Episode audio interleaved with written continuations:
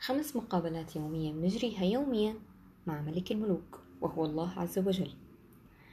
قصة قصيرة قريتها بكتاب إدارة الصلاة للدكتور أحمد بسام ساعي. ابتدأ فيها الكتاب. جذبني إني أكمل الكتاب وجذبني إني أشتري الكتاب أصلا. وهي إنه مرة كان عنده مؤتمر آه، بده يلقي فيه محاضرة. فراح المكان اللي موجودين فيه الشباب والطلاب ودكاترة الجامعة اللي عم يستنوا إنه يجي يلقي هالمحاضرة. تأخر عن وقت اللقاء 30 دقيقة. ووصل طلع بسرعة على المسرح ألقى الكلمة بخمس دقايق بسرعة بسرعة بسرعة بسرعة بسرعة بطريقة غير مفهومة جدا ونزل مسك الباب وطلع لبرا.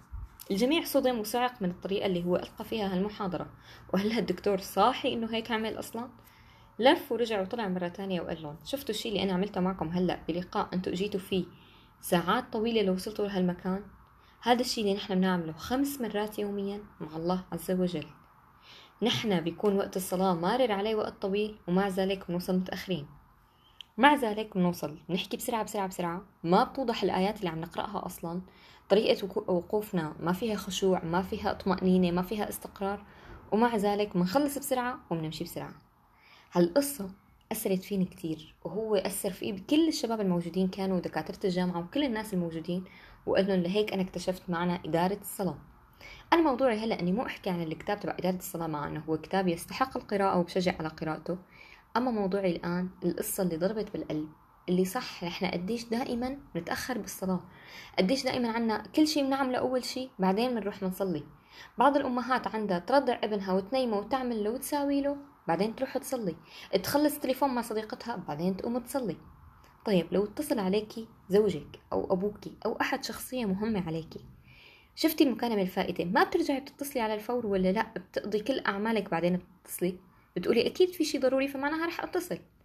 طبعا ولله المثل الأعلى ولكن نفس الشي بالصلوات. عم يجينا الأذان نداء لحتى نصلي ونصلي على الوقت كمان.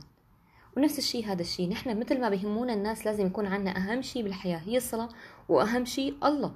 أهم شيء إنه نصلي ما نقطع صلواتنا بكتاب لأنك الله كان الإهداء جدا رائع. أهداه الكاتب آه، علي بن جابر الفيفي لوالدته وكان طريقة الإهداء إلى التي سألتني ذات يوم هل صليت العشاء؟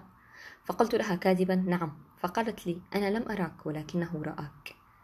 تقصد على الله عز وجل. ومنذ ليلتها لم أقطع أي صلاة بعد هذا كان إهداؤه لوالدته. بالفعل الإهداء بيضرب بالقلب. بتشوف قديش نحن كأطفال كنا آه، بعض الأحيان نكذب يسألونا صليت نقول إيه بس نحن ما صلينا لأنه متأخرين بالصلاة فخايفين ناكل بهدلة خايفين نقال ليش لهلأ ما صليت؟ بعضنا والعياذ بالله بنتكاسل عن الصلاة. يعني بنصلي ما بنقطع الصلوات ما انه فرض إيه وفرض لا. لا بنصلي. بس بيتكاسل ليقوم يصلي. يعني بحسك بده حدا يسحبه بده ستين مرة امه تقول له قوم قوم قوم. بده الجوال ينبهه خمسين مرة على الصلاة بده ستين ألف شغلة لحتى يقوم على الصلاة. هذا متكاسل على الصلاة. ما له قاطع الصلاة بس متكاسل عن الصلاة. كمان هاد من الناس اللي مهملة للصلاة.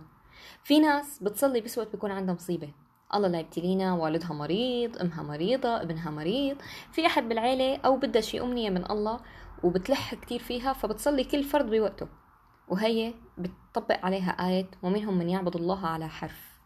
يعني بس مشان حاجة بتعبد الله وبس تخلص تنال حاجتها. أو هالحاجة مثلا لا قدر الله الشخص المريض اللي عم تدعي مشانه مات فبتيأس وخلص بتبطل تعبد الله لأنه الله ما شفى لها اياه والعياذ بالله. فهدول بيعبدوا الله بس مشان آه، عطينا. نعبدك إذا أعطيتنا. لا لا تعبدوه ليعطي بل اعبدوه ليرضى. إذا كانت صلتك بألله مدمرة فكل حياتك حتكون دمار. ما في شي بحياتك حيمشي صح. اليوم اللي ما بتصلي فيه حتلاقيه يوم مخربط. لو شفت فيه نجاحات فهي نجاحات مزيفة حتكون. حتكون نجاحات ما بتوصل للطريق النهائي تبع النجاح. حتكون نجاحات حتودي فيك آخر شي للتهلكة. أيام الامتحانات كتير من الشباب بنلاقي بتزيد عبادتهم وصلتهم بألله وقراءتهم للقرآن. لكن بالأيام العادية هل هن هيك؟ بتلاقي أغلبهم والعياذ بالله ما بيمسك القرآن إلا من رمضان لرمضان.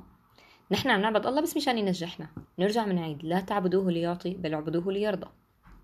صلاتنا بتقوي صلتنا بالله. الصلة بيننا وبين الله هي الصلاة يوميا خمس مرات. شو بدنا أحلى من هيك؟ تخيلوا لو أول ما طلع الرسول صلى الله عليه وسلم على سدرة المنتهى بالإسراء والمعراج وفرضت علينا خمسين فرض. تخيلوا لو إلى الآن بدنا نصلي خمسين فرض. لو ما الله رحم فينا ونزل عنا الفروض وساواها خمسة. لو كنا بدنا نصلي خمسين كنا ما لحقنا بدنا نقوم من صلاة لصلاة. ما في بين الصلاة والصلاة يمكن عشرين دقيقة بالكتير. كانت الصلوات ورا بعضها. هون يمكن أغلب الناس والعياذ بالله كنا ما حنصلي.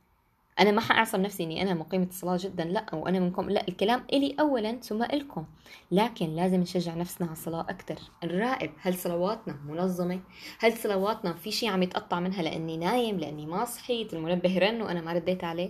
لو فيك همة من قلبك طبعا غير اللي متعب تعب منهك وما قدر يصحى خلص النائم حتى يستيقظ.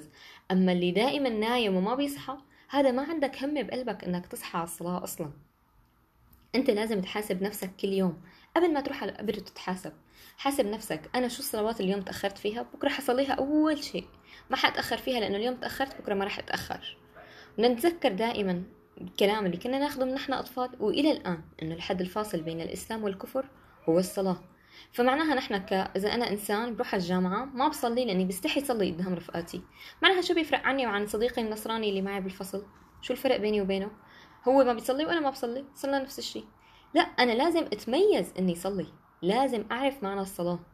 نقرأ كتب أكتر استمع لناس أكتر وأكتر بتشجعوك على الصلاة بيشجعوك على صلتك بالله. مثلا هي مجرد مقدمة كتاب تبع إدارة الصلاة شجعت كل الناس على إنه يرجعوا للصلاة مرة تانية إهداء لأنك الله فورا كل مين ابتدأوا فورا حس هيك بخشوع بقلبه وقال لا والله أنا من اليوم ما عاد أقطع ولا فرض لأنه الله شايفني. فهالأحاسيس وهالكلمات لحالها بتدب فيك روح الحماس وبتخليك ترجع مرة تانية على الصلاة ترجع تشد حيلك بالصلاة أكتر وأكتر؟ لهيك بشجع نفسي قبلكم وبشجعكم بعدي إنه نرجع للصلاة بقوة نرجع لها تكون هي أهم شيء بالحياة بعدين الحياة بعدها تصير مهمة إلنا. ونتذكر لا تعبدوه ليعطي بل اعبدوه ليرضى.